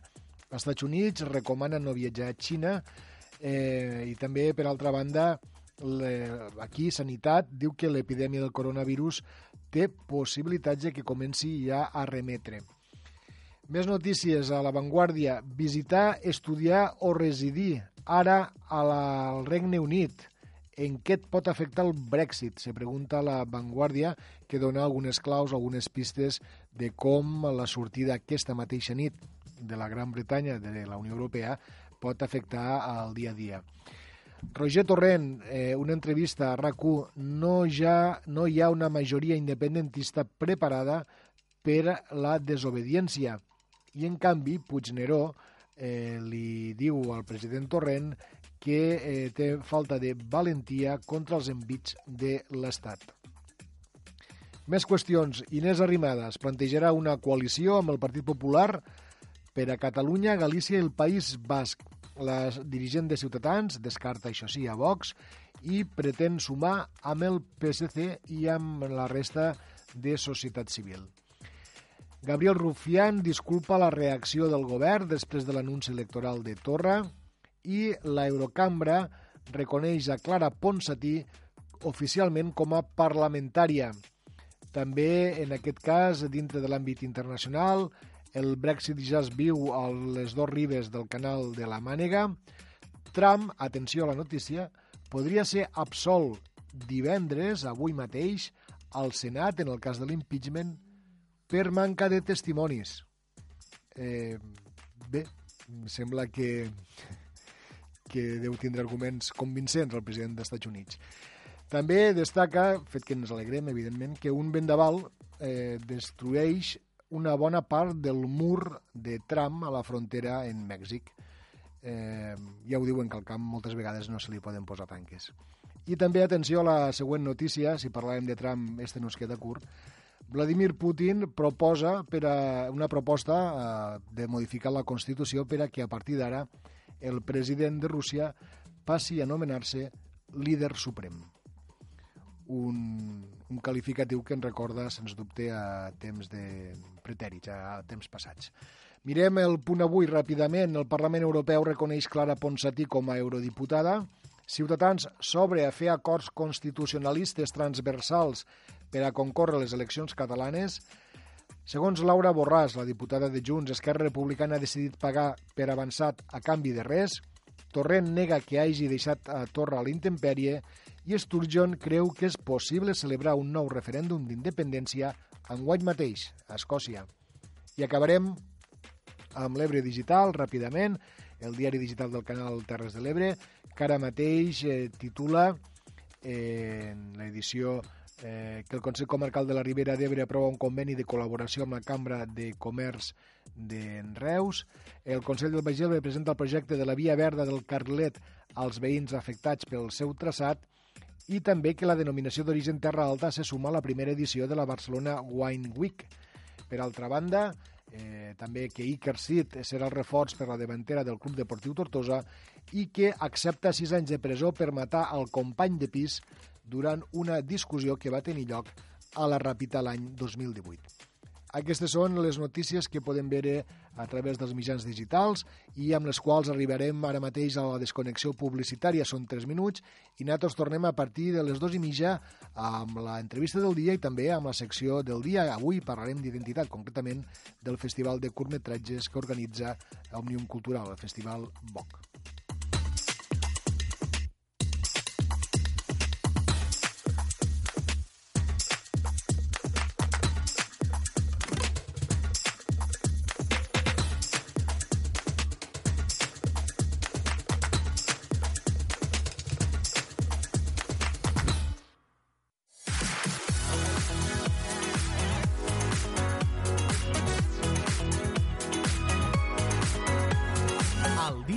Terres de l'Ebre, amb Josep Pitarc.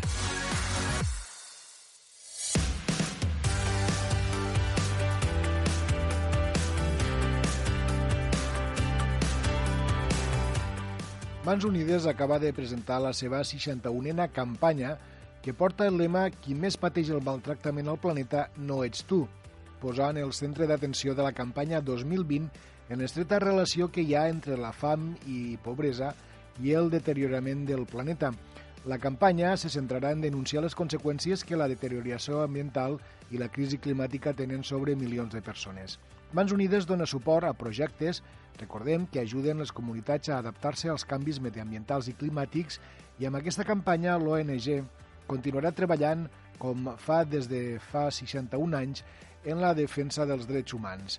Per ajudar a difondre la campanya, fins diumenge, ha a les nostres terres la senyora Sílvia Heredia, que és missionera laica i coordinadora del programa socioeducatiu Paso a Paso de prevenció amb menors i famílies al sector de Rivera Hernández, a San Pedro de Sula, Honduras, que és el projecte que recolzarà enguany la delegació de Tortosa de Mans Unides i aquí ja saludem. Senyora Sílvia Heredia, bon dia, buenos días. Buenos días, alegría. ¿Qué tal, Josep? Muy bien, Silvia. Eh, Silvia, eh, mm, usted es una, de, la, de una persona con larga trayectoria en proyectos de Manos Unidas y en el conocimiento de la pobreza. ¿Podemos decir que hay una relación directa entre el hambre y el maltrato al planeta? Sí, por supuesto, porque bueno, de la tierra es donde sacamos pues todo lo que lo que nos alimenta, ¿verdad? Entonces, si no la cuidamos o eso, si la deforestamos o, o envenenamos sus ríos, pues lo que vamos a comer al final, pues en vez de nutrirnos nos va a matar. Entonces, claro, es una relación más que estrecha, es mm. lógica. Usted eh, me estábamos diciendo coordina el programa Paso a Paso de prevención de menores y sus familias en Rivera Hernández, en San Pedro de Sula. Eh, ¿En qué consiste exactamente este programa? Eh, prevención en, en, situación de riesgo. Honduras es uno de los países más violentos de América Latina, de los bueno, el tercero más pobre del, mundo mundial y la prevención es precisamente, bueno, paso a paso lo que ofrece son alternativas a, a que vendan droga, a que la consuman, a que, por ejemplo, eso, eh, trafiquen con armas, también con personas, ¿verdad? Entonces, este espacio educativo eh, apuesta por la vida y, y, lo que hace es eso, a través de, de becas escolares, de una educación que, que nos enseña a, a la vida, a cuidarla, a protegerla, pues eh, tiene los medios posibles y somos capaces pues de darle la vuelta a esa situación de violencia que te obliga pues muchas veces a, hacer lo que no deberías. Y, y, bueno, pues lo que intenta paso a paso es crear esperanza, crear oportunidades de vida digna. Por eso, por ejemplo, es muy importante esta campaña y de verdad agradecidas por, por este espacio, por la posibilidad de, de, expresarle a las personas que gracias a, ese apoyo material existen proyectos como Paso a Paso, existe la posibilidad de que estos niños y estas niñas, hablamos de 250 menores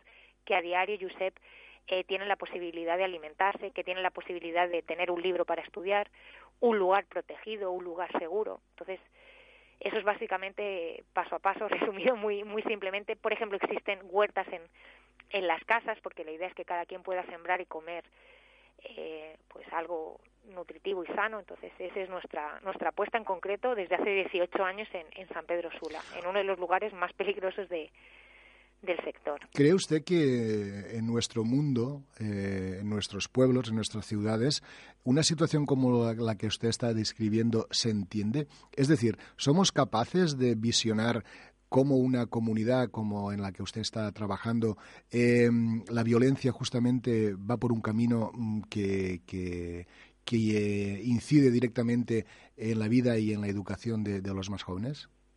es que yo creo que la violencia al final es el producto, o sea, yo sé que muchas veces, y aquí por ejemplo el tema de las madres y las pandillas, por lo que me están preguntando, ¿verdad?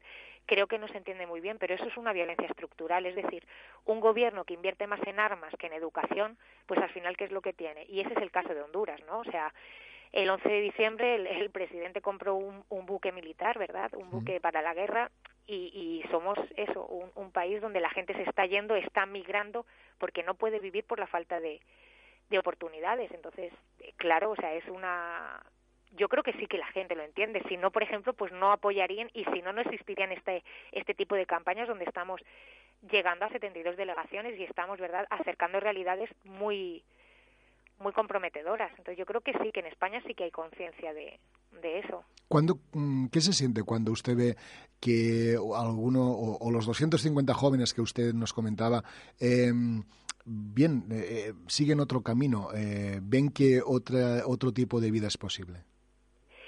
Pues yo muy satisfecha. De hecho, el equipo educativo de, de Paso a Paso, cinco de, de, las educadoras fueron niñas del programa, crecieron desde chiquitas con nosotras y ahora, bueno, tuvieron la oportunidad de formarse en la universidad y de devolver lo que el programa les dio y forman parte hoy de, de esas educadoras que están formando a otros menores que, como digo, son para la vida, son para la comunidad, son para que donde estén sepan disfrutar y sepan, eh, pues eso, ser personas, que al final es lo que busca este programa, que tengan esa oportunidad de crecer eh, sana y libremente.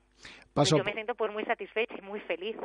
Evidentemente. Paso a paso eh, es el proyecto que decíamos, apoya a la delegación de Tortosa de Manos Unidas. Eh, ¿Cómo lo valora? ¿Cómo lo valoramos nosotras? El, el, el, apoyo, en este caso, de la delegación de Tortosa.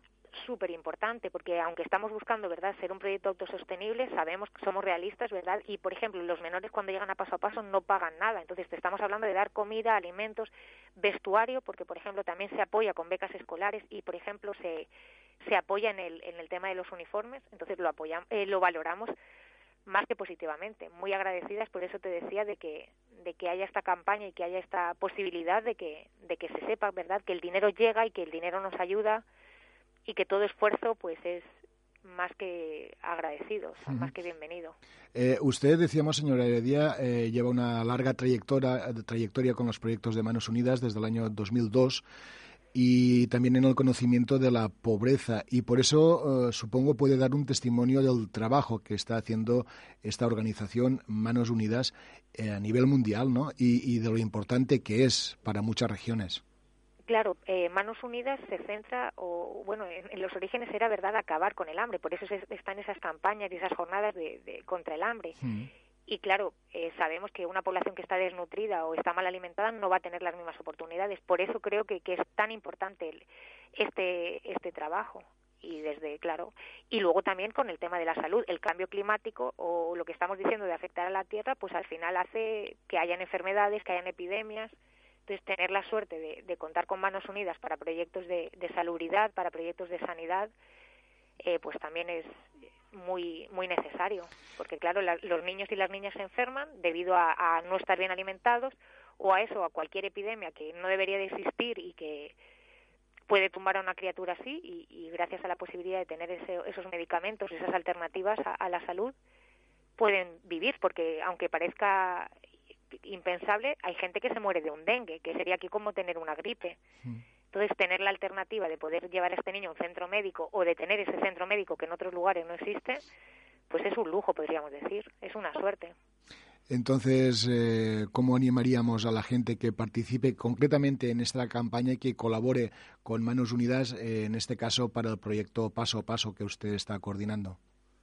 Pues yo creo que todo esfuerzo es más que bienvenido, que eso, que la gente sepa que, que con su apoyo hace posible que muchos niños y muchas niñas puedan estudiar, que con ese aporte económico posibilitan que muchas familias puedan salir de situaciones muy injustas y muy inmerecidas, que, que todo el apoyo que, que aquí se hace pues llega, llega a niños, llega a niñas, llega a un centro donde pueden soñar con, con otras alternativas de vida, llega a niños y a niñas que pueden ver que, pues que son queridos porque al final también agradecemos eh, porque mira que hay proyectos y mira que hay posibilidades de, de, apoyar otras cosas y que nos apoyen a Honduras que yo creo que mucha gente no sabe ni dónde queda en el mapa tener esta posibilidad de, de hablar de Honduras y de y de decir que de verdad eso como tú bien has dicho son muchos años en los que Manos Unidas nos está acuerpando y eso también a nosotras nos nos hace mucho bien porque saber que no estás sola ante una realidad que muchas veces es de poca esperanza pues también hay que agradecer el apoyo material y el apoyo humano, el saber que, aquí hay gente que nos piensa, que hay gente que nos acompaña, que se preocupa por, por nuestra realidad. Creo que eso no tiene precio. Entonces creo que hay que agradecer de corazón esta posibilidad que nos dais hoy de, de compartir lo que Manos Unidas hace por nosotras en Honduras, por estos niños, por estas niñas y estas familias que sin este aporte pues posiblemente no estarían.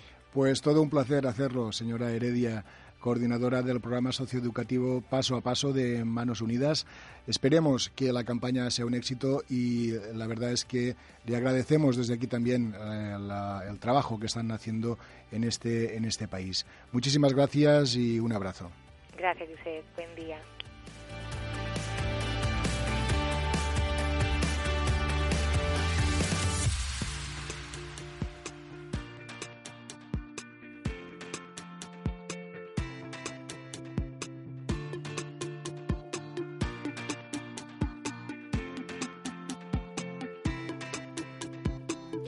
Quan són exactament 20 els minuts que falten per arribar al punt de les 3 de la tarda, continuem amb més propostes aquí al Dia Terres de l'Ebre. Ara arriba el moment en què hem de parlar d'identitat, hem de parlar de cultura, en definitiva, i és la secció que ens atansa cada setmana el nostre company Eduard Carmona des dels estudis de Ràdio Delta. I avui no s'ho perguen per a parlar del Festival de curtmetratges BOC que organitza Òmnium Cultural. És així, Eduard? Doncs així és, Josep. BOC és l'acrònim de versió original en català, un projecte impulsat per Òmnium Cultural amb la finalitat d'estimular la producció de continguts audiovisuals de qualitat en llengua catalana, també amb la finalitat de contribuir a la seva difusió i ampliar-ne el públic. Aquest projecte engloba uns premis per reconèixer els millors curtmetratges, websèries, videoblogs i altres nous formats realitzats originalment en català i incentivar la creació de nous continguts i alhora eh, engloba també una mostra de cinema i audiovisual en llengua catalana que tindrà lloc en diverses poblacions i de forma simultània del 6 de febrer a l'1 de març d'enguany, del 2020. Avui parlem amb Oriol Gracià, realitzador, realitzador audiovisual i coordinador del BOC a les Terres de l'Ebre. Bona tarda, Oriol, i benvingut. Bona tarda, com esteu? Molt bé, moltes gràcies per, per acceptar la nostra trucada. Uh, Oriol, uh, entre el 6 de febrer i l'1 de març hem dit que realitza el festival arreu de Catalunya, però quins dies en concret se celebrarà aquí les nostres terres? Sí, és un festival que se celebra a 30 municipis o 30 municipis i escaig de Catalunya i aquí enguany se celebrarà a Tortosa, al Teatre Auditori Filip Pedrell, el cap de setmana vinent, d'aquí una setmana, el dissabte 8 i el diumenge dia 9. Sí, dissabte 8 i, i diumenge 9. En quin horari? Sí, a les 6 de la tarda, a la sala petita de l'Auditori Filip Pedrell de Tortosa. Què ens podrem trobar en este festival BOC, Oriol? És un festival de curtmetratges i mm -hmm. remarco això perquè potser, sobretot en, en el circuit cinematogràfic en l'àmbit rural, els curtmetratges són molt poc habituals i, per mm -hmm. tant, la gent n'ha de ser conscient que són llargmetratges i no curtmetratges. I són curtmetratges tant de ficció com de l'àmbit documental, que la particularitat que tenen és que s'han fet o s'han rodat majoritàriament en català. No vol dir que hi ha altres llengües, però majoritàriament estan, estan rodats en català. A la descripció que podem trobar del projecte, d'aquest BOC, a la Mhm. seva pàgina web trobem també que apareixen formats. A més a més, els curtmetratges proposen, eh, per exemple, websèries, videoblogs, jo no sé, puc pensar també una cosa que està de moda els darrers anys, com ara els book trailers, o no sé si també tenen cabuda videoclips, peces artístiques... Uh, aquests, aquests formats s'admeten? Els podrem trobar a l'edició Sí, de l'Ebre? s'admeten eh, s'admeten tots els formats. En altres edicions, per exemple, a l'àmbit dels videoblogs i als youtubers se'ls ha donat molta importància, enguany no tanta, però sí que hi ha peces molt, molt diverses, des de típiques peces de ficció, el que entendríem com una petita pel·lícula, però també hi ha videoclips, o peces que estan a camí entre les dues coses, perquè cada vegada és més habitual trobar obres cinematogràfiques o creativitats híbrides, no? que agafen una mica del videoclip, agafen una mica fins i tot dels spots publicitaris, de la ficció del documental, i ho acaben barrejant, barrejant tot com si fos un, un còctel. Clar, perquè ens trobem en un moment en què justament l'audiovisual a nivell mundial, eh, diguéssim que se'n fabrica molt, hi ha molta producció d'audiovisual a molts nivells, però eh, això és positiu, m'imagino que fa avançar el, el gènere, no? Però, clar, no sé si, si aquesta manera d'avançar té eh, la mateixa velocitat a les, al nostre país, a les nostres terres més concretament, i encara més concretament en la nostra llengua, en català. Home, cada, cada vegada hi ha més producció visual, sobretot els darrers anys s'ha- s'han consolidat les grans plataformes de sèries. Segurament el problema és que el problema l'exhibició cinematogràfica com l'hem entès fins ara del circuit de cinema habitual, pues, a poc a poc, no dic que desaparegui, però acabarà sent potser residual. Però eh, aquí, eh, pel, pel que fa al BOC, l'important és que aquestes grans produccions internacionals d'alguna manera repercuteixen en el sector del cinema català i especialment en l'àmbit de la producció en llengua catalana. Eh, el fet que cada vegada hi hagi més produccions d'àmbit internacional que arriben al nostre país, productores com Netflix, que ara s'ha instal·lat a Madrid, sí. i que tenen molta presència mediàtica, això eh, dificulta el desenvolupament sobretot de, del cinema fet en català. Ja no dic a Catalunya, que també, uh -huh. si vau estar una mica atents a l'entrega dels Premis Gaudí de la setmana passada, de fa, de fa dos diumenges, uh -huh. L'Isona Passola, la presidenta de l'Acadèmia del Cinema Català, ja ho va repetir, de fet ho porta repetint molts anys, Sí. el, ci- el teixit de la producció audiovisual a Catalunya està en crisi, d'una banda perquè la major part de productores s'han instal·lat a Madrid, com per exemple Netflix, de l'altra perquè TV3 està perdent múscul, per tant ella reivindica més inversió a l'audiovisual català, però és que a la vegada ja no és només que eh, el teixit productiu de cinema a Catalunya doncs, estigui en crisi o tingui dificultats per tirar endavant, sinó que els productors que a més volen fer cinema en llengua catalana doncs encara ho tenen més, més complicat. I d'alguna manera el BOC va néixer fa quatre anys en l'objectiu d'estimular doncs, la producció de cinema a Catalunya i en català. Clar. És important la vessant de la llengua, diguem. És una cosa que sobta molt perquè sí que si pensem en grans noms del cinema a l'estat espanyol podem pensar, eh, per exemple, Pedro Almodóvar, eh, amb la Mhm. Menábar, amb, vaja, què t'he de dir jo, amb els, amb els Gairebé amb el tanta gent. Coixet, n'hi ha molts de catalans, No, no, clar, aquí et volia, aquí volia arribar jo. Tenim aquests noms per una banda, però després vens a Catalunya i tenim la Isabel Coixet, tenim el Jaume Balagueró, tenim el Bayona, i Mhm. els germans Trueba, i vaja, tenim tanta i tanta gent, no?, que es dediquen aquí al cinema. A més a més, tenim unes escoles de teatre i un institut del teatre, uns estudis que permeten que surtin molts actors cada any, i en canvi el Sí. sector no acaba, no acaba mai de despegar, no?, de- de- d'arrencar el vol en, en català. Bueno, perquè aquí a Catalunya i en especial a Barcelona hi ha espais de formació molt potents. Mhm. Pot ser l'Institut del Teatre, però també l'Escola Superior de Cinema, cinema, de i tant, i tant. Sí, sí. on hi està sortint gent que està competint amb altres professionals de Hollywood, és a dir, Sí, sí, sí, sí. que estan realment a l'elit de la producció cinematogràfica. Mm. El problema és que no hi ha la indústria. No? Aquest és el problema. La indústria s'ha acabat, ha acabat desapareixent de Barcelona o gairebé desapareixent. La major part de produccions són a Madrid per la, inter per la internacionalització també del sector i també perquè Madrid, com a capital d'un estat on la llengua principal és la llengua espanyola, Mhm. que té una projecció internacional brutal, especialment a Llatinoamèrica, doncs té molta més força.